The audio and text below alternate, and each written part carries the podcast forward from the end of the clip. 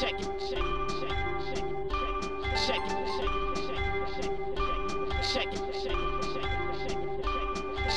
Zapraszamy na kolejny odcinek podcastu Codrive.pl, a w nim zespół WRT z Robertem Kubicą zajmują czwarte miejsce na Mozie. Pomimo umocnienia przewagi w klasyfikacji generalnej, Robert nie jest do końca zadowolony. Bardzo dużo mówimy o nadchodzącym weekendzie i sprintach kwalifikacyjnych. Tłumaczymy, jak będzie to działało, rozwiewamy pewne wątpliwości i zastanawiamy się, co wyniknie z tego weekendu. Organizatorzy pokładają w tym dużo nadzieję, kierowcy zarówno obawiają się nudy, inni tego, że tempo wyścigowe w ich zespole nie jest wystarczające na taki typ ścigania, a jeszcze inni cieszą się, że dwa razy będą mogli wystartować w wyścigu podczas jednego weekendu. Porsche i Audi może pojawić się w Formule 1. Jak będzie wyglądała nowa era silnikowa? Gary Anderson ma pomysł na karanie kierowców podczas kwalifikacji. To pokłosie sytuacji z Sebastianem Vettelem i Fernando Alonso. A na koniec ponownie wracamy do Wielkiej Brytanii i zastanawiamy się, jak skończy się ten weekend. Zapraszamy!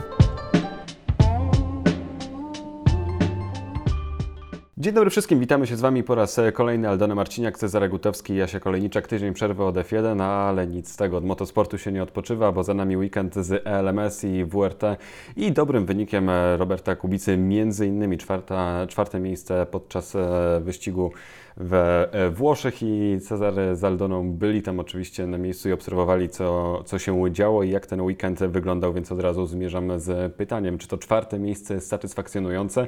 Wydaje mi się, że tak, no bo jednak przewaga w generalce jest umocniona. No jakbyś spytał Roberta, a tym bardziej zobaczył jego minę, to by się okazało, że nie do końca. Ani w wywiadzie, jaki, e, jaki żeśmy robili po wyścigu, to nawet jak pytałem o Le Mans, to Robert kilka razy podkreślał jeszcze, że mm, no jednak Ameryki nie odkrywa, jeżeli powiesz, że nie powinno się popełniać błędów, że powinno się unikać błędów albo popełniać jak najmniej błędów e, i że popełniliśmy błędy, e, więc no, zakończyło się o tyle pomyślnie, że w, zamiast stracić prowadzenie, czy jeszcze żeby się zmniejszyła przewaga, to ta przewaga wzrosła nad najgroźniejszymi rywalami, bo popełniali jeszcze większe błędy. Natomiast jeśli chodzi o wyścig, no to po dwóch bardziej udanych, potem nadeszły dwa takie wyścigi, w których błędów było więcej. No szczęśliwie, przynajmniej w tym ostatnim błąd nie dotyczył tego, jak Robert został, yy, że tak to imię, zatrudniony, czy, czy tak, czy, czy po prostu Wykorzystany. do samochodu, bo teraz nie było skróconego stintu, tylko, tylko pojechał Robert słupony stint i, i generalnie, co tu dużo mówić, był jedną z gwiazd tego wyścigu, a z całą pewnością gwiazdą tego składu. Słuchajcie, znaczy, trzeba, trzeba troszeczkę dziegciu faktycznie do tej beczki miodu włożyć.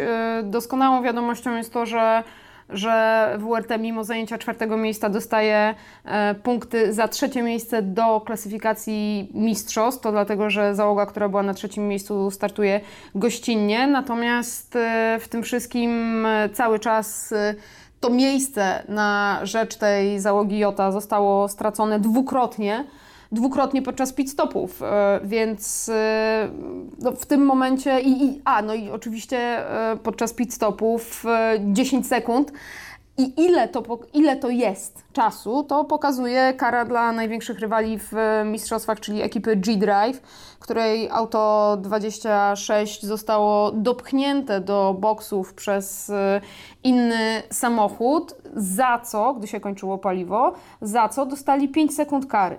Więc te 5 sekund kary, które było ceną za to, żeby G-Drive ukończyło wyścig, żeby pozostało w wyścigu, w którym tak naprawdę po jednej trzeciej nie powinno już ich być, mm, to G-Drive płaci w cudzysłowie 5 sekund kary e, za to, że utrzymuje się w wyścigu, e, kończy na ósmej pozycji, a więc zdobywa punkty za siódme miejsce, zdobywa punkt za pole position, a WRT traci 10 sekund na pit stopach.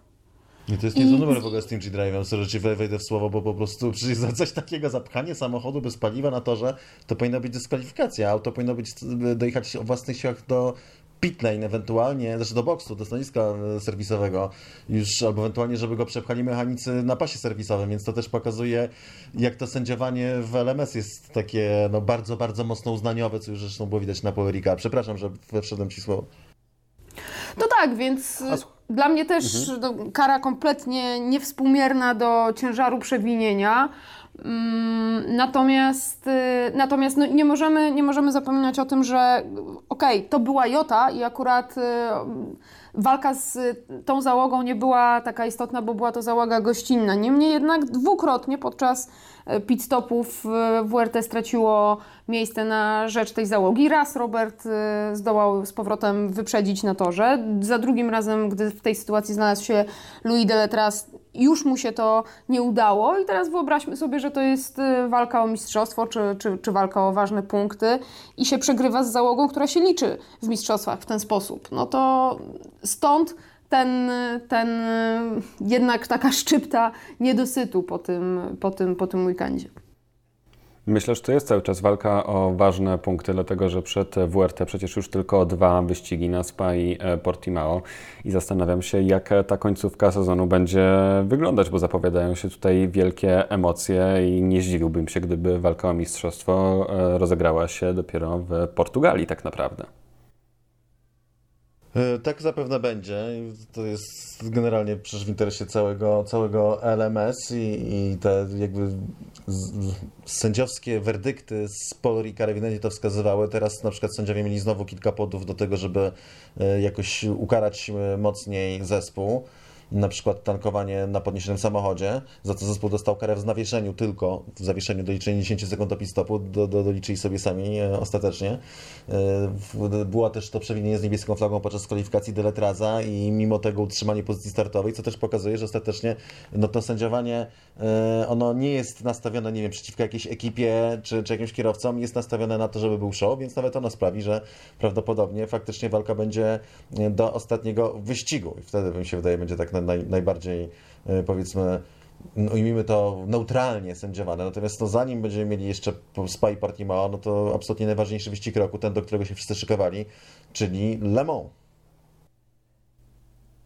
I co o tym Le Mans możemy powiedzieć, bo mm, Robert wielokrotnie powtarzał, że ten wyścig będzie bardzo ważny i dało się wyczuć, że jest to jakiegoś, jakiegoś typu e, cel, więc e, jestem ciekawy, jakie są oczekiwania po tym wyścigu. Słuchajcie, to będzie bardzo trudno w Le Mans, ponieważ y, przynajmniej trzy aspekty trzeba wziąć pod uwagę. Po pierwsze to, że WRT debiutuje w Le Mans, po drugie to, że Robert debiutuje w Le Mans, po trzecie wreszcie, że po raz pierwszy pojadą z pakietem aero w Le Mans, które z kolei y, załogi, które startują w LMP2, ale w WEC-u, a więc w długodystansowych mistrzostwach świata, znają, więc będą miały na tym y, polu przewagę. A dlaczego mówię o tym, o- o tym, tym debiucie? Dlaczego to jest y, podwójnie ważne? Oczywiście, już abstrahując od samej długości wyścigu, e, zobaczcie, jaką perspektywę daje nam informacja, że zwycięzcy teraz 4-godzinnego wyścigu na, mm, na Monzie, a więc y, ekipa Panis, wygrała swój pierwszy wyścig i LMS w ogóle od 2016 roku, odkąd jest w serii. Po pięciu latach wygrali swój pierwszy wyścig, więc zobaczcie, ile nam to mówi o mm, wynikach, ale też o oczekiwaniach względem WRT po tym, jak e, zaczęli ten sezon debiutując w tej serii. To, to jest debiut ponad stan, do tego, do tego zmierzam, więc y, przyjdzie taki moment, który będzie no, niestety bardziej odpowiadał takiej naturalnej, wynikającej z doświadczenia w motorsporcie. Kolejność będzie temu, temu, temu odpowiadała, no i niestety może być tak, że, że, że tym momentem weryfikacji będzie Le Mans właśnie. No, ale trzeba też wziąć pod uwagę, że to jest zupełnie inny wyścig niż wszystkie poprzednie. Yy, Po prostu wyścig, który trwa 24 godziny, rządzi się naprawdę innymi prawami niż wyścig, który trwa 4 godziny. Nie chodzi tylko o długość dystansu, ale też o kwestię liczby zmian, ilość zużytych opon, ilość tankowań i to, ile dane komponenty muszą wytrzymać yy, przez yy, cały wyścig, prawda? Tak więc to jest zupełnie inny rodzaj mm, rywalizacji. Też jest też taka prawidłowość, w motorsporcie, że im dłużej trwają zawody, im dłużej trwa wyścig, im dłużej trwa rajd na przykład, y, tym mniej liczy się ta ostateczna prędkość, typu na przykład okrążenie kwalifikacyjne, a potem tempo generalnie trzymane na okrążeniach, a tym bardziej liczy się ten element strategiczny, y, czy element losowy, czy element po prostu przygotowania sprzętu, czy element, element powtarzalności. E, Czy najważniejsze to, co Robert powtarzał cały czas, jak żeśmy rozmawiali o tym Le i osta ostatnich wyścigach, unikanie błędów, popełnianie jak najmniejszej liczby błędów, więc jeżeli podejdą do tego w ten sposób e, i uda im się faktycznie tych błędów popełniać jak najmniej, to tutaj jest duży potencjał na finish, y, no na pewno pierwsze dziesiątce, a gdzieś tam moim zdaniem pierwsza piątka jest całkiem możliwa, być może nawet podium. Robert mówił dużo o tym, że, no, że to pierwszy występ i że tutaj pokora i tak dalej, ale gdy jeszcze raz spytałem o tą pokorę, to powiedział z drugiej strony, że no tutaj pokora to jedno, ale tutaj trzeba walczyć i, i trzeba do tego podejść z podniesionym czołem, więc mi się wydaje, że Le Mans to jest y, taki wyścig, że jeżeli auto y, nie zepsuje się, czyli jeżeli, jeżeli, jeżeli auto będzie dobrze przygotowane i dobrze serwizowane i żaden z kierowców nie popełni błędu na trasie, co wcale nie, nie trudno, warto zwrócić uwagę, że teraz LMP2 to są najszybsze samochody na torze w LMS. W Le Mans LMP2 to nie będą najszybsze samochody, będą jeszcze szybsze samochody, które trzeba będzie przepuszczać. Będzie jazda w nocy, będzie jeszcze o wiele większy tłok, o wiele więcej w ogóle będzie rywali, nie tylko w LMP2, ale właśnie będą też więcej samochodów innych kategorii, więc to będzie inny rodzaj jazdy. Więc trzeba będzie naprawdę z, z punktu widzenia kierowców, y, tym bardziej ważne będzie, żeby przez ten cały czas nie popełniać błędów, szczególnie w nocy. I jeśli do, do tego jeszcze dojdzie kwestia taka, że zespół nie będzie popełniał błędów, chociaż powiem Wam szczerze, że akurat jeżeli gdzieś straci 10 sekund podczas pistopów, to już na pewno w tym wyścigu w Le Mans, więc jeżeli to ma być problem największy y, WRT w debiucie w Le Mans, to ja bym to brał w ciemno. Myślę, że wszyscy czekamy e, z lekką niecierpliwością na to, co się wydarzy podczas e, tego wyścigu, zwłaszcza, że czujemy lekki niedosyt po wydarzeniach z Daytony. E, To na pewno będziemy śledzić i jeszcze będziemy o tym mówić. Na moment bym jeszcze jednak wrócił do Monsy, bo z tego co wiem, to wybraliście się na spacer po tej nitce. I jak wrażenia? Jak się piechotą pokonuje te wszystkie niebywale szybkie zakręty? Jaką piechotą, panie? Teraz, Cezary, przyznaj się, czym ty pokonywałeś. No ja ten, faktycznie na, na rowerze jechałem i była to super fajna wycieczka, chociaż po drodze w oko wpadły mi dwa komary. Żadnego nie zjadłem natomiast, y, muszę powiedzieć i oczywiście owoce tej przejażdżki będą widoczne, będą widoczne y, na program, w programie Trackwalk, który będzie przed Grand Prix Włoch puszczony na, na moim YouTubie. Natomiast y, tor to tor.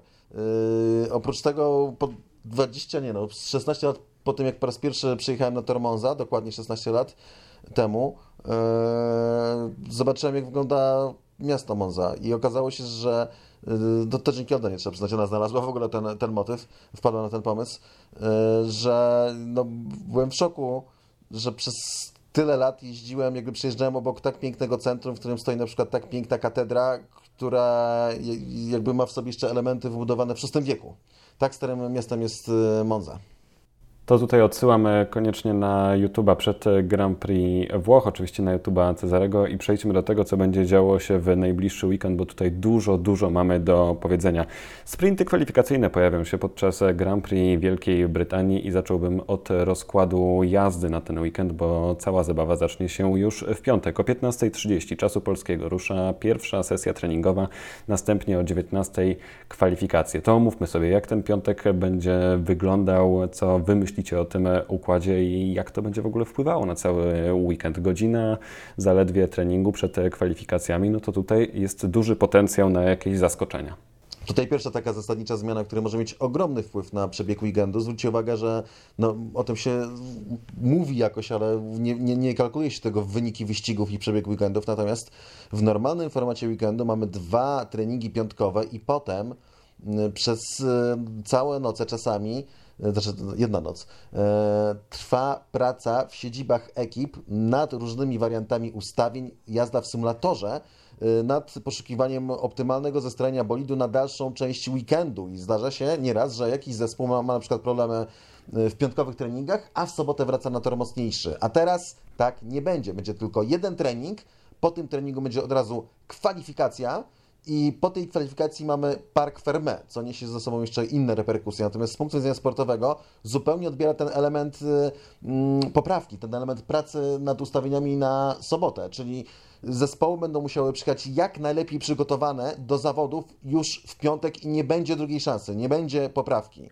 To, co nie uda się, to, czego nie uda się zrobić między treningiem piątkowym a kwalifikacjami, to będzie ciężyło ekipom już do końca weekendu. Ja nie ukrywam, że jestem bardzo ciekaw tego piątkowego dnia, bo e, tak z czysto e, praktycznego dla kibica, bym powiedział, punktu widzenia, to całkiem przyjemne, że o godzinie 19 będą kwalifikacje już w piątek do obejrzenia. To dla fana Formuły 1 takie wydłużenie dnia, bym powiedział, e, że zapowiada się całkiem atrakcyjnie, a budzimy się w sobotę, mamy chwilę czasu, żeby się ogarnąć. O 13 do cz- godziny 14 jest druga sesja treningowa, a zaraz później o 17.30 rozpoczyna się ten tajemniczy sprint kwalifikacyjny, na który trochę czekamy i trochę e, nie czekamy. Jak ta sobota Waszym zdaniem będzie wyglądała e, z punktu widzenia ekip, bo to jest chyba najważniejsze w tym momencie. To ja może zacznę jeszcze od piątku. E, No, po pierwsze, e, kibic e, jakby po obejrzeniu e, kwalifikacji będzie sobie je trawił i będzie potem, mam nadzieję, wchodził na, na przykład na nasze media i czytał to jakieś newsy, które będziemy przekazywać i komentarze i być może nawet wejdzie na YouTube'a. E, Natomiast my będziemy te rzeczy robić. Zamiast na przykład uderzyć w miasto w piątek, e, co nie mówię, żeby od razu uderzać, ale generalnie ta opcja nam odchodzi. Więc od tej strony, e, no ten piątek jest powiedzmy bardziej pracowity niż, niż wcześniej, ale tutaj nie będziemy marudzić, w końcu mamy nowy format. Natomiast e, rodzi się kolejny poważny problem, który, no z tego co rozumiem, takie są sygnały, nie został do końca przedyskutowany. Otóż niektóre zespoły zwracają uwagę na to, że sprzęgła są zaprojektowane na y, dany dystans przejechany i nie są przyzwyczajone do tego, że od piątku wieczorem do końca niedzielnego wyścigu mają przetrwać. Już że nie wspomnę o dwóch startach do dwóch wyścigów, będą dwa wyścigi. Więc jeżeli w piątek wieczorem wchodzi Park Fermé, y, to nie będzie już w sobotę przed kwalifikacjami zmiany y, sprzęgła po ostatnim treningu, tylko na tym samym sprzęgle, już użytym w kwalifikacjach, czyli w warunkach bojowych, mamy przejechać piątkowy trening, potem wystartować w wyścigu pół godziny, przejechać wyścig i potem przejechać jeszcze półtorej do dwóch godzin wyścigu. I to jest problem, zespoły to zgłaszały i z tego, co widziałem, są raporty takie, że FAI ostatecznie nie przyjęła tego do końca do serca i uznała, że nie będzie tutaj żadnych wyjątków, nowione sprzęgła e, w warunkach Park Fermé po sobotnich kwalifikacjach. Mam nadzieję, że to tylko jakieś, nie wiem, plotki czy jakieś wstępne tarcie i że to zostanie akurat wyjaśnione. A potem oczywiście mamy wyścig. Sprinty kwalifikacyjne ustawiają nam kolejność do niedzielnego wyścigu, więc mamy dwa w jednym teoretycznie, bo z jednej strony wyścig i z drugiej strony walkę o pozycję do tego wyścigu punktowanego normalnie, ale tutaj też będą punkty do zdobycia 3, 2, 1 dla pierwszej trójki. I będzie bardzo dużo do stracenia, bo em, tak naprawdę, jeżeli spojrzymy sobie na tych kierowców, którzy mm, doskonale spisują się na dystansie jednego okrążenia i dzięki temu mm, mają dobre pozycje startowe w Grand Prix, no tutaj będą musieli jeszcze przez pół godziny te pozycje startowe utrzymać. I tutaj rodzi się kolejny dylemat, na ile sprinty kwalifikacyjne będą e, faktycznie takimi wyścigami, które którymi w zamyśle miały być bardzo emocjonującymi, dynamicznymi, czy jednak będzie to procesja, bo właśnie będzie więcej do stracenia niż do zyskania. A przy okazji fakt, że jest to, jest to sesja punktowana dodatkowo, to oznacza, że w, w tym momencie podczas weekendu Grand Prix możemy zdobyć maksymalnie nie 26, a 29 punktów, więc przy okazji wprowadza nam to, który już Cezary system punktowania do Formuły 1? Dziesiąty. Niektórzy liczą, że po raz dziesiąty zajdzie zmiana. Ale do tego jeszcze, jeszcze może wrócimy. Z tym się wiąże kolejny dylemat, taki statystyczny. I mam dla Was, ciekawy jestem, co Wy sądzicie, jakbyście to rozwiązali. Powiedzcie mi, e, kto oficjalnie w statystykach będzie zdobywcą pole position? Ten, kto wygra kwalifikację w sobotę, w, w piątek, czy ten, kto wygra wyścig w sobotę? Haha, bardzo dobre pytanie. E, Dla mnie ten, kto wygra kwalifikacje w, w piątek, mimo wszystko. A co, jeżeli wygra kwalifikację w piątek, a w sobotę ktoś inny wygra wyścig i ten człowiek, który wygra wyścig w sobotę, przecież w niedzielę będzie ruszał z pole position. Więc kto ma ile pole position wtedy? P- pomidor. Prawda?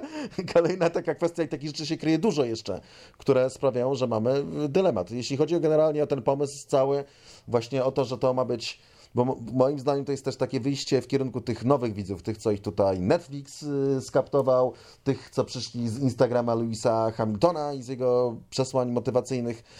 etc., etc., jak to często po, powtarza Fernando Alonso, prawda? Etc., etc. Na Samurai Formuły 1.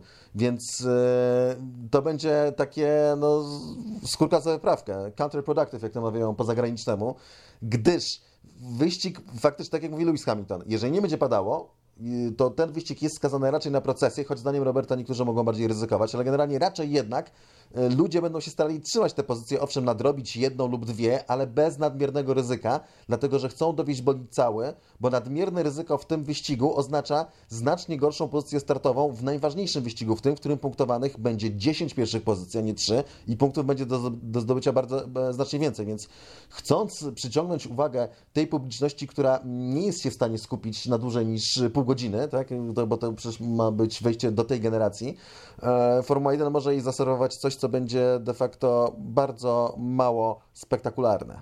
Dobrze, słuchajcie, to proponuję, żebyśmy rozebrali cały ten weekend na czynniki pierwsze i zacząłbym od tego, czym się martwi w zasadzie e, Ross Brown, bo nie ukrywa, że jest lekko zdenerwowany. Myślę, że też trochę podekscytowany tym, że nowa formuła wchodzi, nowa, nowy format weekendu wchodzi e, w życie. Ross Brown mówi, jestem zdenerwowany, to jest nieznane, ale myślę, że włożyliśmy w to ogromną ilość pracy. Same zespoły włożyły w to ogromną ilość pracy, więc myślę, że ma to największą szansę na sukces. Musimy zaangażować fanów i zapewnić, że mamy wyścig, e, który naprawdę będzie ich e, ekscytował. Ross Brown jeszcze dodaje, że ten format ma sprawić właśnie, że będzie bardziej ekscytujący cały ten weekend, że tak jak już wcześniej mówiliśmy, i w piątek będzie się coś działo, i w sobotę, i w niedzielę, i że przez e, mamy cały weekend tak naprawdę tętniący benzyną i adrenaliną. I zastanawiam się, czy czy w zasadzie, bo tak z jednej strony mówiłem, że fajnie, że te kwalifikacje będą w piątek, wy mówiliście, że będziecie mieli więcej pracy, ale czy fani potrzebują aż tyle atrakcji? Czy to jest potrzebne z takiej mm, biznesowo-atrakcyjnej strony Formuły 1? Ja się zastanawiam, co Ross Brown powie, jak się okaże, że w sobotę w drugim treningu e, cztery zespoły nie jeżdżą, bo mają problemy ze sprzęgłem. To, o czym mówił, mówił Cezary. Wydaje mi się, że no, wchodzimy tutaj w wielką niewiadomą i tak naprawdę ta wypowiedź Rossa Brauna, którą zacytowałeś, tylko jest spójna z tym, co podejrzewa Cezary odnośnie do, do mm, nadziei i powodów wprowadzenia tego. Chodzi o to, żeby, żeby ten młodszy fan miał jakąś atrakcję każdego dnia. Piątkowe, piątkowe treningi bez przełożenia czysto sportowego na, na resztę weekendu, no to powiedzmy są to jazdy dla, dla koneserów. Teraz już w piątek będzie po co przyjść na, przyjść na tor z punktu widzenia kibiców i na to właśnie e, liczy Brown, ale myślę, że za dużo tutaj jest e, niewiadomych, za dużo jest zgadywania e, i tak naprawdę, co ciekawe, kierowcy też mają bardzo mieszane uczucia co do, co do tego formatu, łącznie z Lewisem Hamiltonem. Ale tak jak wspominaliście, kierowcy są różnego zdania co do tego weekendu, różnie o tym myślą. Chociażby George Russell z jednej strony się obawia tego nowego formatu, ale z drugiej strony też nie jest pewien, jak to będzie wyglądało. Nie jestem pewien, czy będzie to dla nas korzystne, ponieważ zazwyczaj jesteśmy nieco lepsi w kwalifikacjach niż w wyścigu, ale musimy dać im szansę, być może inaczej się to potoczy. Dla każdego jest, jest to coś nowego i to też daje szansę, mówi George Russell. No i zastanawiam się, czy ten krótki dystans sprintu kwalifikacyjnego, czy to powinno być traktowane jako wyścig, czy to nie jest bardziej przejażdżka, która może być potraktowana bardziej tempem kwalifikacyjnym. No tutaj mi się podoba bardzo forma my, że mówi George Russell, e, że my, my będziemy mieli problemy, my, a mi się wydaje, że to nie my będziemy mieli problemy, tylko ja będę miał problemy. No bo wiecie, dlaczego George Russell obawia się... Cezary, ty będziesz miał problemy? No dlaczego George Russell obawia się sprintów kwalifikacyjnych? No, bo ja się sprintów kwalifikacyjnych wydaje mi się, że odpowiedź jest bardzo prosta e, z dwóch powodów. E, Będą to nie jeden, a dwa starty. Dwa starty, żeby stracić wiele pozycji, dwa pierwsze okrążenia, żeby się zagubić, e, dwie okazje, żeby stracić szansę na zdobycie punktów. Natomiast nie wszyscy kierowcy mają z tym problem. Na przykład są kierowcy, którzy idą w drugą stronę. Zgadnijcie, komu pomysł sprintów kwalifikacyjnych może się podobać. Daniel Ricciardo. Zgadza się. Daniel jest szczęśliwy, bo on, e, jeśli chodzi o kwalifikacje, to w innym kierunku niż George idzie ostatnio, natomiast jeśli chodzi o wyścigi, o wyprzedzanie i o starty, dokładnie w drugą stronę. Więc to jest też ciekawe, prawda? Jak to Robert e, nieraz mawiał, punkt widzenia zależy od punktu siedzenia. Więc jak sami słyszycie, dużo można mówić o sprintach kwalifikacyjnych i dużo wokół tego jest na pewno ciekawych e, rzeczy, ale swoje, swój punkt widzenia też na ten temat ma Robert Kubica, więc posłuchajmy, co Robert myśli o sprintach kwalifikacyjnych. Myślę, że nie będzie to miało zbyt wielkiego znaczenia na to, jak e, się potoczy weekend. Fakt jest taki, że pewne zespoły mogą bardziej zaryzykować, albo inaczej, ktoś, kto jest poza jakby grom wyścigu tym sprinterskim może mieć, może mieć dużo agresywniejsze podejście do tego, co może otworzyć pewne jakby możliwości. Myślę, że będzie grupa czołowa, która tak naprawdę nic nie zmieni i grupa, która może coś ryzykować i coś może zmienić. I na tym bym skończył na razie rozmowę na temat e, sprintów. E, Do Grand Prix Wielkiej Brytanii jeszcze na e, koniec, a o samych sprintach na pewno w przyszłym tygodniu jeszcze będziemy rozmawiali i się zastanawiali, czy e, ten format wypalił, czy nie wypalił. Ale Grand Prix Wielkiej Brytanii to również jest ten e, wielki test dla Mercedesa, o którym mówimy już od jakiegoś czasu. Lewis Hamilton w zeszłym tygodniu mówił o tym, że modli się o to, żeby lepszy scenariusz pod- się ułożył w trakcie tego wyścigu. No i również Juan Montoya uważa, że to jest dla Mercedesa naprawdę ostatni dzwonek, ale też nie ukrywa, że Mercedes jest w bardzo trudnej sytuacji. Uważa, że ciężko będzie się e, mu e, i temu zespołowi się z tego wykopać. Moim zdaniem będzie to bardzo trudne dla Mercedesa. Mówię o poprawieniu się. Na tym etapie Max i Red Bull wyraźnie zwiększyli tempo. Max ma się świetnie, jest e, taki tydzień w tydzień. Nie bardzo widzę, jak mogą go pokonać. Jedynym aspektem, który wciąż przemawia na korzyść Mercedesa jest to, że na Silverstone otrzymają ulepszenia. I co Wy na ten e, temat możecie powiedzieć? To e, już oczywiście o tym mówiliśmy, ale czy faktycznie jest jeszcze nadzieja dla Mercedesa, czy to jest game over i witamy się z Maxem Verstappenem, nowym mistrzem świata? Absolutnie jest nadzieja dla Mercedesa, abstrahując już od, y, od, od tych mitycznych poprawek, wokół których narosły legendy. mm, Wykreślcie na chwilę Red Bull Ring. Jakie były różnice we Francji na Paul Ricard? Tam naprawdę było bardzo niewiele między, między dwoma zespołami, więc y, wystarczy, że to, co się działo w ostatnich dwóch wyścigach, było e, track specific, jak to, jak to ładnie mówimy, że wynikało z toru, z tych warunków. Jeżeli wrócimy do tego, co, e, co było we Francji, to nawet taki takie małe poprawki, czy dostrojenie lepsze tego, co już mają, może dać im e, znowu bardzo dużo, więc y, ja bym tutaj kogo jak kogo, ale Mercedesa to, to, to, to ja bym nie skreślała aż do, aż do samego końca. A ja myślę, że generalnie problemem tego weekendu będzie to, że nie zobaczymy tak naprawdę, jest takie ryzyko prawdziwego układu sił ze względu właśnie na to, co powiedzieliśmy na początku o nowym formacie. To jest po prostu, to są inne zasady ścigania Yy, i to jest naprawdę bardzo duży wpływ i to jest coś, czego nikt do końca jeszcze nie zna. To tak samo na tej samej zasadzie teraz zespoły dopiero uczą się tego, tak mogą robić symulacje, przewidywania tęgie głowy, siedzieć na tym, myśleć. Dopiero teraz zespoły prze, przekonują się, jak w praktyce działa yy, system walki o tytuły, czy o zwycięstwa, o punkty, kiedy mamy limit budżetowy. Game changer, bardzo duży. I na tej samej zasadzie zmieni się w, pod, pod wieloma as- aspektami sposób rywalizacji podczas tego weekendu, więc te wyniki, które nam pokaże Silverstone, moim zdaniem ciężko będzie przełożyć na taką konsekwencję tego sezonu, na to, co widzieliśmy wcześniej. Więc na przykład, jeżeli Red Bull zdominuje y, Mercedesa także na Silverstone, to nie będzie znaczyło w tym konkretnym przypadku, że w takim razie Red Bull już będzie wygrał totalnie wszędzie, bo Aldana ma rację. Cofniemy się parę wyścigów i różnice były bardzo małe.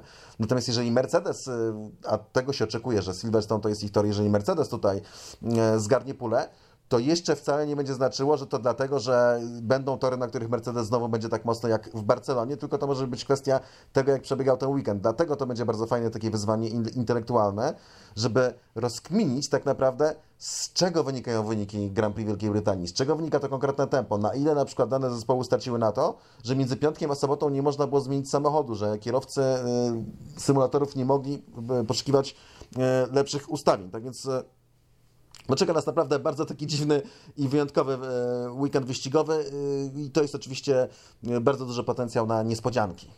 I wiecie, co mi się wydaje? To, o czym ty mówisz, że trudno będzie ocenić prawdziwy układ sił. Oni sami nie będą wiedzieć.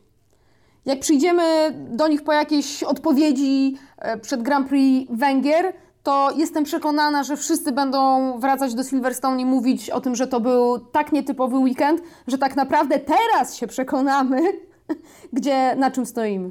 I to jeszcze będzie wyścig przed e, przerwą wakacyjną, więc zostaniemy w takim e, zawieszeniu i z ciekawością będziemy oczekiwać jej końca, ale również z ciekawością oczekujemy najbliższego weekendu, nie tylko ze względu na to, co będzie działo się na torze, ale również ze względu na to, co e, poza nim, dlatego że plotki mówią, ptaszki ćwierkają, że podczas tego weekendu zostanie ogłoszone, że George Russell zostanie drugim kierowcą Mercedesa. No i jestem ciekawy, na ile te plotki mogą się okazać prawdziwe. To byłoby na pewno piękne miejsce do tego, żeby ogłosić e, takiego newsa. No, fani e, e, angielscy byliby na pewno w niebo wzięci, gdyby podczas swojego domowego wyścigu taki news został ogłoszony. Nie wiem, co na to Sir Lewis Hamilton, ale na pewno George Russell i jego fani byliby szczęśliwi. No co do Sira Louisa, to zastanawiające jest, zobaczcie, że ogłoszenie nowego kontraktu z Lewisem Hamiltonem nastąpiło podczas weekendu Grand Prix Austrii. A przecież dwa tygodnie później,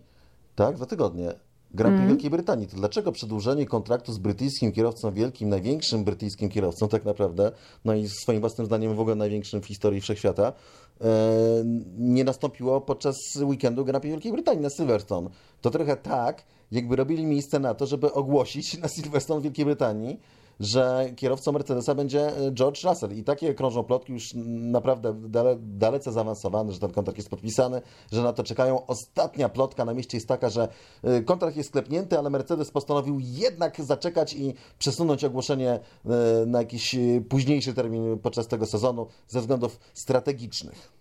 Jestem ciekawy, co to za względy, za względy strategiczne muszą występować, aby Georgia ogłaszać w innym terminie niż podczas e, tego weekendu. Być może. E, Walteri Bottas może się nazywają te względy strategiczne? no właśnie, jestem ciekawy, czy to się nazywa Walteri Bottas czy Lewis Hamilton, bo na przykład Fernando Alonso uważa, że e, kierowca nie, nie, ma żadnego wpływu, a przynajmniej nie powinien mieć na, na to, z kim się ściga w swoim zespole. Myślę, że kierowca nie ma możliwości wyboru, kto jest jego partnerem, mówi Fernando Alonso. Po prostu to akceptujesz. W tym sensie nigdy nie ma problemu, choć nie znam sytuacji, jaką mają w Mercedesie, ale mnie to nie interesuje, mówi e, Fernando Alonso. No myślę, że to utopijna e, wizja w przypadku Mercedesa, bo chyba jednak jakieś tam wpływy Luis ma. Wiecie, kierowca nie musi powiedzieć, ja nie chcę jego w zespole, po to, żeby mieć wpływ na to, kto w tym zespole będzie. E, tak naprawdę wystarczy parę okrągłych wypowiedzi o cudownej atmosferze, o wspaniałym wsparciu i relacjach z Walterim Bottasem na przykład, dodaniu paru słów o jego niesamowitej prędkości i o tym, jak to on naciska. I, I ty już wiesz, i on nie musi mieć zapisu w kontrakcie, że on ma wpływ na, wpływ na cokolwiek. E, wypowiedzi Fernando są o tyle ciekawe, że e, kto jak to, ale Fernando akurat bardzo dobrze wie, co to znaczy mieć Louisa Hamiltona w zespole i jak różna dynamika między kierowcami i to, co kierowcy robią w obrębie swojego garażu, nie całego zespołu, ale swojego garażu, jaki to może mieć wpływ na wyniki ich obu. Także, także to jest, jest ogromnie ciekawy wątek. Sama jestem bardzo ciekawa tego, jak to się rozwinie i kiedy faktycznie się dowiemy, bo też y, zgadzam się z Cezarem, że zostawienie weekendu Grand Prix Wielkiej Brytanii na ewentualne ogłoszenie kontraktu George'a Russella w sytuacji, w której mamy Louisa Hamiltona, który idzie po najwięcej tytułów y, mistrza świata w historii, no, to by było, to, to byłby bardzo duży przytyczek w nos dla Louisa Hamiltona. Najlepiej tylko George podchodzi, znowu powtarza, znowu jakby się ośmielił, znowu zaczyna mówić, że stać go na zwycięstwa i walkę o y, Mistrzostwo Świata i też, że to jest dla niego win-win situation i to akurat absolutnie pełna zgoda. Win-win, czyli tak, że nie, nie można tym stracić. Nie ma nic do stracenia, bo no zobacz, jeżeli George Russell w Mercedesie zostanie pokonany przez Louisa Hamiltona, no to oczywiście zostanie pokonany, no bo startuje obok e, siedmiu albo nawet ośmiu, w co teraz wątpię, krotnego mistrza świata na tym etapie. No i to jest oczywiste, że potrzebuje czasu, żeby jeszcze złapać ten rytm. No dajmy mu tę chwilę. Przez trzy lata zdziwiłam się, no to co to w ogóle, co to za skok. A jeżeli pokona Lisa Hamiltona, no to co to dużo mówić, nowa wielka gwiazda sportów, e, brytyjskich sportów motorowych pokonała siedmiu lub ośmiokrotnego mistrza świata. Tak więc jeśli chodzi o samego George'a, to on y, może spać spokojnie, a szczególnie jeszcze biorąc pod uwagę to, ile rzeczy jest w stanie robić poza kwalifikacjami, y, czyli tych mniej błyszczących i które cały czas się ignoruje, jeśli chodzi o taką ogólną opinię publiczną. Powiem Ci, Cezary, że ja chyba dopiero w tym momencie zrozumiałem, w jak e, strasznej sytuacji jest e, Lewis Hamilton i jak, e, jaka to jest dla niego sytuacja, bo faktycznie ta, ta perspektywa Georgia win-win situation bardzo jest wymowna i faktycznie chłop się dobrze w życiu e, ustawił. Ale no, za, zakładamy, że faktycznie jest to już klepnięte. W ten weekend dowiemy się, że George Russell jest drugim kierowcą e, Mercedesa. No to e, kto w Williamsie, jeżeli nie Valtteri Bottas? Pojawiły się plotki, jakoby Hulkenberg miał wrócić do Formuły 1 albo Daniel Kwiat. Jaką obsadę widzicie w Williamsie? Bo jest jeszcze przecież trzeci kierowca Williamsa, który być może się tam pojawi, czy to raczej średnio realne? No raczej nie będzie to Nissani, tak mi się wydaje. Chociaż yy, cholera, ja za poprzednich rządów byłoby to możliwe, za obecnych raczej nie. Williams jakby bardzo mocno się porządkował i idzie do przodu. Bo powiem szczerze, cię- ciężko mi to obstawić, natomiast yy, wątpię, czy Nico Hulkenberg ma jakiś potencjał finansowy. Mogę się mylić, bo może ktoś tam, znaczy przede wszystkim nie wiem, czy Williams będzie chciał brać kierowcę bez zaplecza finansowego, szczególnie na tym etapie startów, yy, podczas gdy może mieć kierowcę takiego, a nawet jeżeli nie z zapleczem finansowym, to przynajmniej e, z zapleczem politycznym, czyli dla nich najlepszy będzie kierowca Mercedesa albo kierowca jakiejś innej ekipy, która poszukuje miejsca dla swojego zawodnika z programu juniorskiego, typu na przykład, nie wiem, z, od Renault, jakby chciało Renault kogoś gestem szerokim wprowadzić do Formuły 1, tak więc, albo na przykład jakiegoś kierowcę z programu Ferrari, więc mi się wydaje, że tutaj y, lista jest y, szersza, y, Bottas oczywiście, tak, to jest pierwszym kandydatem. No zobaczymy, na ile by tam się szarpnął Toto na to, żeby jakoś temu Bottasowi zrobić miękkie lądowanie.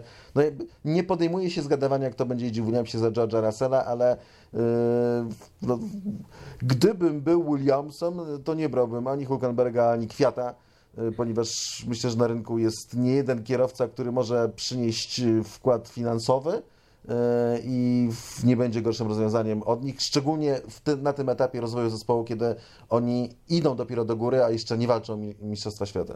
Zobaczymy, kto zostanie zatrudniony w takim razie w Williamsie. Chciałbym zobaczyć kolejną ekipę, która jest e, w stanie walczyć o wyższe lokaty niż gdzieś tam się przepychać z tyłu stawki, bo to powiedzmy jest dosyć mało e, atrakcyjne. Ale pomówmy trochę o przyszłości Formuły 1. Ross Brown i Toto Wolff ciekawe rzeczy nam e, opowiadają. Ross Brown mówi o tym, że Formuła 1 zaczyna rozmowy, albo raczej Audi i Porsche zaczynają rozmowy z Formułą e, 1. Myślę, że Formuła 1 jest w tej chwili w bardzo dobrym miejscu. Myślę, że inni producenci widzą nasze zaangażowanie i patrzą na to i mówią, czy to dla nas, mówi Ross Brown. E, Spotkanie było naprawdę pozytywne. Tutaj mówi o spotkaniu właśnie Audi, Porsche e, z Formułą 1. Nie doszło do żadnych wniosków, ale określiło kolejne kroki, które możemy podjąć, a to dotyczyło kilku nowych producentów. E, Toto Wolff za to mówi o przyszłości silnikowej Formuły 1. Chcemy oszczędzać koszty, więc nie chcemy wymyślać koła na nowo. E, Silniki nadal będą zasilane paliwem, pozostajemy przy obecnym formacie V6, ale elementów elektrycznych będzie przybywać, dlatego że po prostu cały świat idzie naprzód i ciężko, żeby Formuła 1 cofała się do starych czasów i do ryczących e, silników. Wyobrażacie sobie nowych producentów w Formule 1 po tym, jak silniki zostaną już odmrożone? Słuchajcie, oni nie powinni byli pójść na rozmowę do Rossa Brauna, tylko powinni byli pójść na rozmowę do Hondy. Nie, no to, to, oczywiście, to oczywiście żartuję. E, To byłby wielki sukces Formuły 1, gdyby udało się przyciągnąć e, nowe, mm, nowych producentów silników, bo to są nowe koncerny, które by były obecne w e, Formule 1.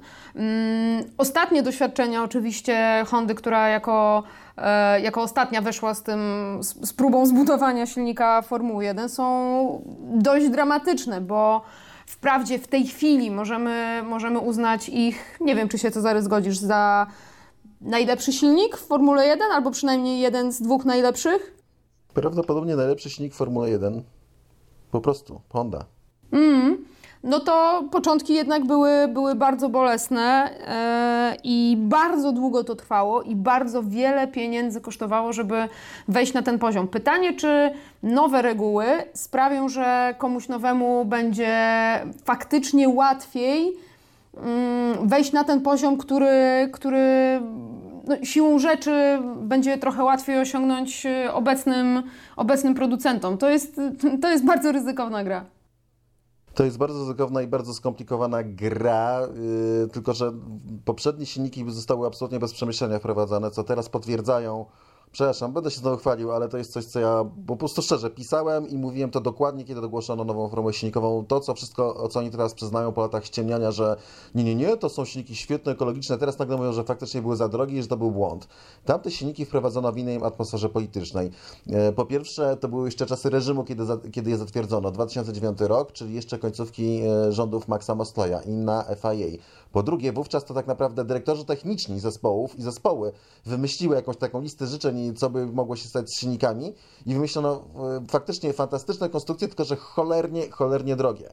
Teraz Formuła 1 podchodzi do tematu zupełnie inaczej. Trzeba zacząć przede wszystkim od tego, że prawdopodobnie silniki wejdą w 2026 ro- roku nowe, a nie 2025, bo nie zdążą się wyrobić, bo oni ciągle sami nie wiedzą, jakie silniki mają być w Formule 1, ale wiedzą mniej więcej od czego zacząć. I zaczęli od, e, znaczy teraz zaczęli wcześniej. Natomiast teraz bardzo ważne spotkanie nastąpiło w sobotę e, podczas weekendu wyścigowego na torze Red Bull Ring e, w takim pałacyku należącym do Dietricha Mateszica w hotelu, takim butikowym. Spotkali się tak, szefowie Formuły 1, czyli Liberty, FIA, produce- prezesi producentów silników obecnych, czyli e, Ferrari, Mercedes, Renault i Honda, a tak naprawdę w imieniu Hondy to był ktoś za Mateszica, bo Honda odchodzi, i kandydatów, którymi są Porsche i Audi, czyli grupa Volkswagena, która często generalnie nieregularnie jeżdżą na te spotkania od wielu lat, tylko nigdy e, dotąd nie chcieli wejść. Natomiast rodzi się pytanie, gdzie byli szefowie ekip Formuły 1?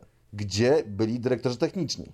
Zastanawialiście się na tym? Znaczy, no, przy- przy- przypuszczam, że, że pytanie jest jakby, sorry, że takie rzucam po prostu z, yy, z czapy, ale, ale no to jest przecież zaskakujące. Nie? Wcześniej to ekipy yy, i czy szefowie techniczni dyktowali, jakie mają być silniki. Teraz Formuła 1 podchodzi do negocjacji zupełnie inaczej.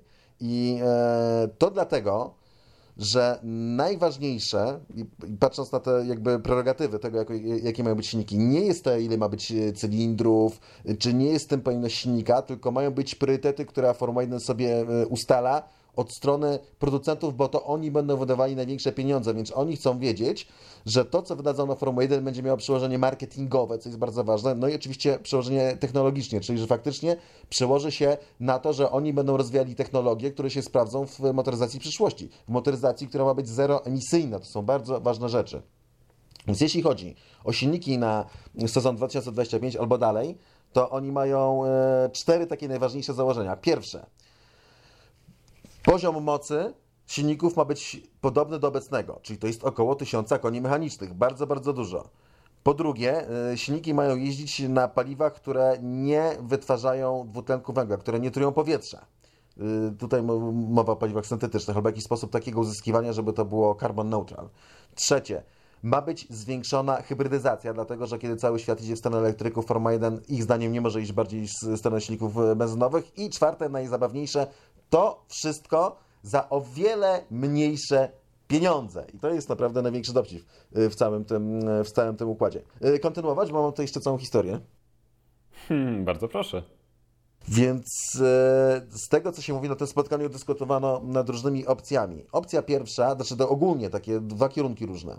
Jeden kierunek zakłada, że faktycznie do Formuły 1 dojdą nowi producenci, i to najlepiej nie jeden, tylko dwóch, minimum dwóch. I wtedy mm, Formuła 1 zrezygnowałaby z silników V6, które teraz je napędzają, i zeszłaby na silniki R4, mniejsze, czyli silniki rzędowe, e, czy- cztery cylindry w rzędzie, czyli to, co teraz w zasadzie, teraz nawet trzy cylindrowe zaczynają rządzić, to przynajmniej R4 zostanie. W każdym razie to, co by było bardziej nawiązujące do trendów samochodowych. I do tego się dokłada hybryda oczywiście. Czterolitrowa, znaczy dwulitrowa czy półtora, nie wiem, myślę, że była, byłaby mniejsza pojemność niż 2 litry, jak teraz mamy 1,6, natomiast no tam, nie wiem, 1,2, 1,4, silnik czterocylindrowy i do tego o wiele bardziej rozbudowana hybryda, ale bez MGUH, który jest po prostu bardzo drogi i rozwój MGUH do nowego silnika absolutnie nie wchodzi w grę. Y, Żeby ewentualnie zrekompensować stratę energii, ponoć mówi się o stosowaniu napędów na cztery koła. Coś, o czym zresztą rozmawialiśmy z Marcinem Budkowskim, nie wiem, czy pamiętasz Aldona. I kiedy ja mu zadałem to pytanie, to mówił, że to nie wchodzi w grę. Wygląda na to, że w grę wchodzi. Natomiast jeżeli ani Porsche, ani Audi, ani żaden inny producent nie będzie chciał wejść do Formuły 1, w ten czas trzeba się zastanowić, czy jest sens wydawania takich dużych pieniędzy na robienie nowych układów napędowych. Może lepiej zostawić obecne silniki V6, które są już rozwinięte, które są już dobrze znane. Nie trzeba będzie wydawać grubych pieniędzy na rozwój nowych silników, tylko je przestroić, żeby jeździły na paliwa syntetyczne, żeby były zeroemisyjne. E, można wtedy zostawić nawet to całe MGUH, bo on- ono już jest i tak rozwinięte, i tak już wydali wszelkie pieniądze na jego rozwój, tylko będzie kwestia e, kosztów budowy. E, Tak więc no to są te dwa kierunki i teraz to, co jest najzabawniejsze, jeżeli chodzi o Toto, to Toto obstawia, żeby zrobić bazę V6 e, i zwiększyć element hybrydowy. I o tym samym mówi Dominikali i o długości tych przepisów, tej formuły silnikowej mówi na przestrzeni 5 lat. Christian Horner mówi, że nowe silniki powinny być zupełnie nowe, że trzeba opóźnić ich wprowadzenie do 2026 roku, że to by było naprawdę słabe, gdyby e, prze, prze, prze, przenieść obecną formułę silnikową na kolejne lata i że to ma być na kolejnych 10 lat. Wiecie, co to moim zdaniem sugeruje? To moim zdaniem sugeruje, że Horner liczy na to, że nie będą robić sami silników od 2026 roku i że te silniki dla nich będzie robić nowy dostawca silników, w którym będzie albo Audi, albo Porsche. Ale to jest już mój taki y, daleko idący strzał. Powiedzcie teraz, czy się ładnie przygotowałem. Przygotowałeś się przepięknie, Cezary. Ja się tylko na sam koniec tego e, zastanawiam, bo jest tutaj bardzo dużo trudnych pytań i dużo zagwozdek, na, na które na szczęście będą odpowiadali mądrzejsi ode mnie. Jak to wszystko będzie wpływało na rywalizację? Bo ciężko mi sobie wyobrazić w tej chwili e, sytuację, w której jest więcej producentów silników niż jest, e, no, niż jest w tym momencie po prostu. I wyobrażenie tego, że są jeszcze dwa silniki, które wpływają na rywalizację, no, wygląda jak kolejny element układanki zwanej Formułą 1, który może napędzać rywalizację. Pani Aldona, coś do dodania? Ja, ja zasłuchałam się w Twój wywód, natomiast y, dla mnie y, znamienne jest to, że w całej tej dyskusji silnikowej zgadzają się nie tylko Wolf i Domenicali w jednej kwestii, o której mówiłeś, ale zgadzają się Wolf i Christian Horner. I obaj w czym się zgadzają? Ano w tym, o czym, o czym mówiłeś już y, jakiś czas temu, czyli że najlepiej by było, gdyby, gdyby nowe silniki wprowadzić od 2026 roku, więc y, no, znów każdy w swoją stronę ciągnie. Jestem ciekawy, czy znowu tutaj każdy kogoś chce wyrołować i za plecami sobie kombinuje inne rzeczy, czy e, faktycznie ta zgoda do pewnego stopnia e, występuje. Ale zostawmy te kwestie silnikowe, bo to jest jeszcze pieśń przyszłości i jeszcze o tym zdążymy dużo e, porozmawiać. Wróciłbym na chwilę do sytuacji sprzed dwóch tygodni, gdy Sebastian Vettel dostał karę za blokowanie Fernando Alonso podczas kwalifikacji. Gary Anderson e, wymyślił, co można zrobić, żeby te kwalifikacje były równiejsze i do takich problemów e, nie dochodziło.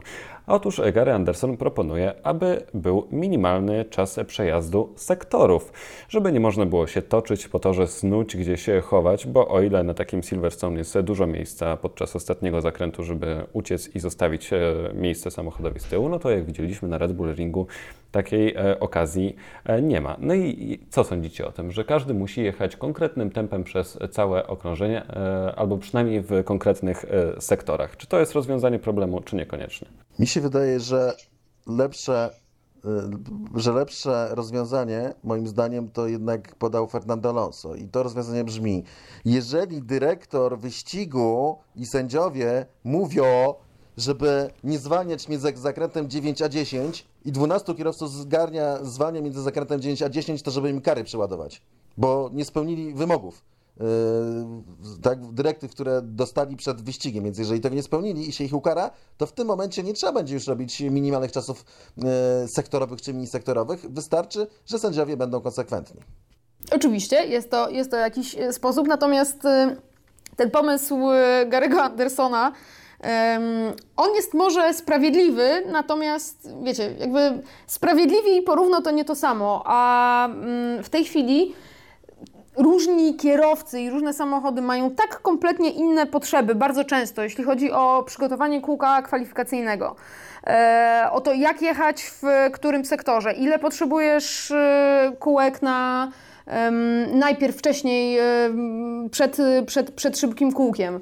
Więc generalnie przygotowanie tych opon to jest, to jest naprawdę ogromna filozofia. To się też oczywiście różni w zależności od toru, nawet jeżeli mamy jakieś tam reguły, które będą, będą mniej lub bardziej stałe niezależnie od toru, no to mm, potem znajdzie się taki jak chociażby Austria, gdzie niektórzy dwa kółka musieli zrobić przed, przed, przed szybkim okrążeniem i tak dalej, i tak dalej. Jakby każdy ma tutaj inne potrzeby co do przygotowania tego szybkiego kółka, więc w tym momencie, jeżeli przy, przyłożymy równą miarkę do wszystkich i każemy im jechać jakimś tam tempem, no to im się ta strategia często, co tu dużo mówić, e, rozsypie. Natomiast na pewno tak byłoby sprawiedliwiej, skoro już nie, jest, e, nie jesteśmy w stanie sprawić, żeby kierowcy słuchali dyrektora e, wyścigu, ponieważ dyrektor wyścigu nie ma takiego posłuchu, żeby warto go było słuchać. To ja wymyśliłem jeszcze jeden sposób w ogóle, żeby, e, żeby poprawić tę sytuację z dogrzewaniem opon. Zrobić porządne opony do Formuły 1. Nie takie, że trzeba się musi szczypać i jechać na y, inne tempo, tylko takie, na których będzie można przejechać normalnym y, rytmem, walnąć jedno albo dwa kółka nawet pomiarowe, a potem jeszcze, nie wiem, może już marudzę, wybrzydzam, ale takie opony, na których będzie można naciskać w wyścigu, nie? A nie się szczypać na deltę 7 sekund wolniej od czasu kwalifikacyjnego. Więc no ja tutaj jednak optuję za prostymi sposobami. Czyli ja, ja, nie wiem, ja nie wiem, czy Formuła 1 jest gotowa na taką rewolucję, naprawdę. Tak, tak, konsekwencja tak i, i e, realizowanie konsekwentne założeń e, z- z- tak, sędziowania jako takich, zamiast kombinowania kogo kiedy za co karać, a kiedy nie karać. E, I ten, i stworzenie opon, na których można się ścigać. No faktycznie na Formułę 1 to są zbyt wysokie progi, jak się zdaje ostatnimi czasy. Cezary, marudzisz, naprawdę. Pirelli powiedziało, że na weekend w Silverstone ma już nowe tylnie opony, które testowali w Austrii, więc naprawdę przecież się rozwijają cały czas. Starają się chłopaki, żeby wszystko e, było e, dobrze. Ale też uważam, że Gary Anderson trochę tutaj za bardzo nawymyślał jednak byłoby dużo przyjemniej, gdyby kierowcy e, się słuchali dyrektora wyścigowego, albo gdyby dyrektor e, był w stanie do nich e, przemówić. Ale Zach Brown też przemówił na temat wyścigu w Stanach Zjednoczonych i tutaj się odnosi do tego, że nie miałby nic przeciwko, gdyby, gdybyśmy zobaczyli podwójny wyścig na Circuit of the America, a to dlatego, że oczywiście zagrożony jest Grand Prix Meksyku oraz e, Brazylii, więc jechać do Stanów tylko na jeden wyścig to byłoby karkołomne przedsięwzięcie i byłoby to absolutnie bezsensowne, ale na dwa wyścigi to już trochę brzmi lepiej, choć nadal mnie to nie przekonuje. Ale Zach Brown e, za to upiera się, że dane dotyczące wzrostu popularności Formuły 1 w Stanach Zjednoczonych są imponujące. Jeśli okaże się, że drugi podwójny weekend jest potrzebny i Stany Zjednoczone mogą go zorganizować, absolutnie to popieram. A wy popieracie czy nie? Na Słuchajcie, problem jest tak naprawdę z całym, z całym miesiącem e, wyścigowym. Od 10 października mamy, mamy mm, Japonię, która jest pod wielkim znakiem zapytania. Mamy USA, Meksyk, Brazylię, o których właśnie powiedziałeś i Australię, która już została odwołana. Dużo się mówi o tym, że zamiast Australii może się pojawić po raz kolejny Bahrain, co miałoby sens też dlatego, że już będziemy w tamtym rejonie świata, potem jest Arabia Saudyjska, Abu Zabi i można tam skorzystać z innej nitki. Natomiast co do dwóch weekendów w USA, to poza tym, że Liberty Media się na pewno bardzo ucieszy, to, to nie wiem co powiedzieć, ale Cezary był e, w Austin na tym, na tym torze, więc e, może, może masz jakiś pomysł. Czy to ma sens? Powiem tak, gdybym miał utknąć w tym samym hotelu co wtedy, takim hotelu, co to motel, że podjeżdżają pod szklane szyby i otwierają serię z automatów, to wolałbym nie. Wolałbym y, jeden weekend. No, co tu dużo mówić, y, no, Teksas, piękne miejsce, Austin, urocze miasteczko, ale jednak nie jest to jakieś miejsce, w które wszyscy się garną jak do Singapuru albo do Melbourne, nie? że tam, o tak, Austin, słuchaj, będzie super wyścig w Austin, y, czy do Montrealu. To tak, to tak nie działa. To jest, powiedzmy, mało spektakularne miejsce. Sam tor jest świetny i to jest, to trzeba przyznać, że prawdopodobnie byłyby z tego dwa e, bardzo dobre wyścigi. Raz, a dwa, tak jak powiedziałem na wstępie, e, zdecydowanie wa- bardziej wolałbym mieć dwa wyścigi w Austin niż dwa wyścigi na Silverstone. To w ogóle bez dwóch zdań, bo ciągle Austin jest po prostu dwa razy fajniejszym torem od Silverstone, jeśli chodzi e, o spektakl e, od strony kibiców. Naprawdę super udane. No, nitka toru jest fenomenalna. Natomiast faktycznie coś trzeba będzie zrobić, coś trzeba będzie jeszcze wykombinować. Mam nadzieję, że trzeba będzie pojechać jeszcze raz do Bahrajnu, bo jest to faktycznie, to do Bahrajnu chce się wracać e, na drugi wyścig, do Austin e, dwóch wyścigów jakoś tak średnio. Natomiast tu jest, jeszcze dochodzą takie wątki. Od przyszłego roku wchodzi Grand Prix Miami, a przyszły rok to jest ostatni sezon na który ma umowę podpisana mają e, kota, czyli Circuit of the Americas, czyli to przyszłoroczny wyścig Stanów Zjednoczonych to może być ostatnie Grand Prix Stanów e, organizowane na tym konkretnym torze. Więc nie dość, że Liberty już teraz się zabezpieczyła, żeby mieć jakiś wyścig w Stanach Zjednoczonych, czego bardzo chcą działowcy generalnie, bo Stany Zjednoczo- Zjednoczone to jest taki rynek, że de facto im więcej wyścigów w Stanach, znaczy może więcej coś mówię, bo 10 to było za dużo, ale jak będzie kilka wyścigów w Stanach, to generalnie wszystkie duże koncerny będą tym zainteresowane, bo mają lepszy exposure. To od, od, od 2023 roku w Stanach Zjednoczonych znowu może być tylko jeden wyścig, więc być może faktycznie te dwa Teksasy trochę im nabiją statystyczną średnią. Natomiast e, trochę wchodząc już, rozwijając temat, e, mówi się o tym, Roger Peński, właściciel Indianapolis, e, no i w ogóle właściciel, założyciel świetnego zespołu wyścigowego, e, wspaniały biznesmen, mówi, że Indianapolis jest gotowe na ugoszczenie Formuły 1, więc może się okazać, że tegoroczne dwa wyścigi to będą dwa przedostatnie wyścigi w Stanach Zjednoczonych e, na jakiś czas na tym torze i że Formuła 1 przeniesie się do Indianapolis, czyli wróci tam, skąd wyjechała w haniebnych okolicznościach. Słuchajcie, tu jeszcze chodzi o jedną rzecz, to znaczy Formuła 1 e, traci wyścigi w obu Amerykach seriami. W zeszłym roku nie była oczywiście w, w Ameryce w ogóle, ani w północnej, ani południowej. W tej chwili zanosi się już oczywiście po odwołaniu Kanady, jest e, bardzo duże ryzyko, że Grand Prix USA będzie jedynym wyścigiem w ogóle na obu kontynentach amerykańskich. W związku z tym no, nic dziwnego, że szukają sposobu, szukają furtki. Liberty Media, oczywiście amerykańska e, firma, Zach Brown, który, od którego zaczęliśmy, oczywiście Amerykanin, żeby, żeby w e, Stanach być po prostu więcej. A faktycznie, tak jak mówicie, przede wszystkim e, Kota Circuit of the Americas e, jest naprawdę fantastycznym e, obiektem, a też Drive of, of Survive swoje dwa grosze do tego wszystkiego dołożyło, bo faktycznie wyniki robi bardzo, bardzo dobre, więc tak jak sam Zach Brown mówi, skoro jeden wyścig się wyprzedał, to i drugi Liberty Media bez problemu dałoby radę wyprzedać. Zamknijmy ten cały odcinek powrotem do Wielkiej Brytanii i Wyjątkowo to pytanie mnie e, w pewien sposób śmieszy, bo e, jak normalnie byliśmy w stanie rozmawiać o tym, kto, kogo byśmy się spodziewali z przodu stawki, to e, dzisiaj to będzie dla Was trudne. Jak wyobrażacie sobie ten weekend? Czy faktycznie Mercedes i Red Bull pozostaną z przodu, czy chociażby sprawa ze sprzęgłami może sprawić, że może nawet nikogo z tych dwóch zespołów nie zobaczymy na podium? George Russell wygra Grand Prix Wielkiej Brytanii. Williams ma najlepsze sprzęgła, nie słyszeliście? Nie, no ale będą, z George'em będzie ciężko, będą dwa starty, jak już ustaliliśmy, nie? Więc George będzie teraz, w ogóle George będzie teraz Mr. Friday. Ale mówiłeś, że ma sprzęgło dobre, to starty będą łatwiejsze. A nie wiem, czy ma dobre, to bym, tak bym strzelał, no. To akurat to było taki, ten, y, no, to była taka spekulacja, natomiast y, sprzęgła jakie by nie było, to ten, to no George, no dwa starty to jest dla niego dwie okazje, żeby wszystko stracić, mówiąc w skrócie. No dobrze, a poważnie, e, dalej mówiąc, e, wyobrażacie sobie jakoś e, ten weekend? Jesteście w stanie określić, kto teoretycznie, ze względu na to, że to jest Silverstone, powinien być mocny, czy jednak się nie odważycie na to, żeby wysnuć jakieś wnioski? Mercedes powinien być mocniejszy niż był ostatnio. Co do tego jestem przekonana. Nie jestem przekonana, czy będzie, ale na pewno powinien, powinien być. I faktycznie to Silverstone to mm, mimo całego mm, zmianu formatu e, weekendu, to jednak wydaje mi się, że w tych piątkowych kwalifikacjach powinniśmy coś. Przepraszam coś, po, w tych piątkowych kwalifikacjach powinniśmy coś reprezentatywnego pod kątem tempa zobaczyć. No chyba, że faktycznie nikt, e, znaczy może nie to, że nikt, ale ktoś przestrzeli z ustawieniami, a już w tym sezonie tak bywało, że e, po tym pierwszym treningu, czy też w trakcie tego pierwszego treningu, nie wszyscy się na torze dobrze czuli, chociażby e, Sir Lewis Hamilton.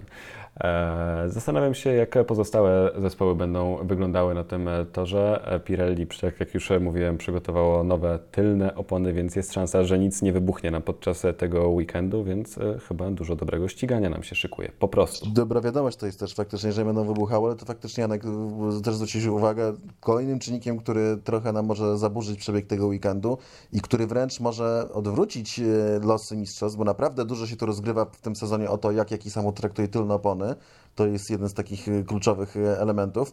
O, te, te zmiany opon mogą wpłynąć na przebieg sezonu, generalnie konstrukcja tych opon. I wydaje mi się, że y, tym optymistycznym akcentem możemy zakończyć nasze rozważania. I kolejka jedzie dalej, zobaczymy dokąd ten rollercoaster nas e, zaprowadzi, czy Sir Lewis Hamilton stanie e, na podium, na najwyższym stopniu podium, czy George Russell zostanie ogłoszony nowym kierowcą Mercedesa. Tyle pytań mamy przed tym weekendem i z wielką przyjemnością myślę wszyscy poznamy na nie odpowiedź. Aldona Marciniak, Cezary Gutowski, Jasie Kolejniczak. Za dzisiaj bardzo dziękujemy.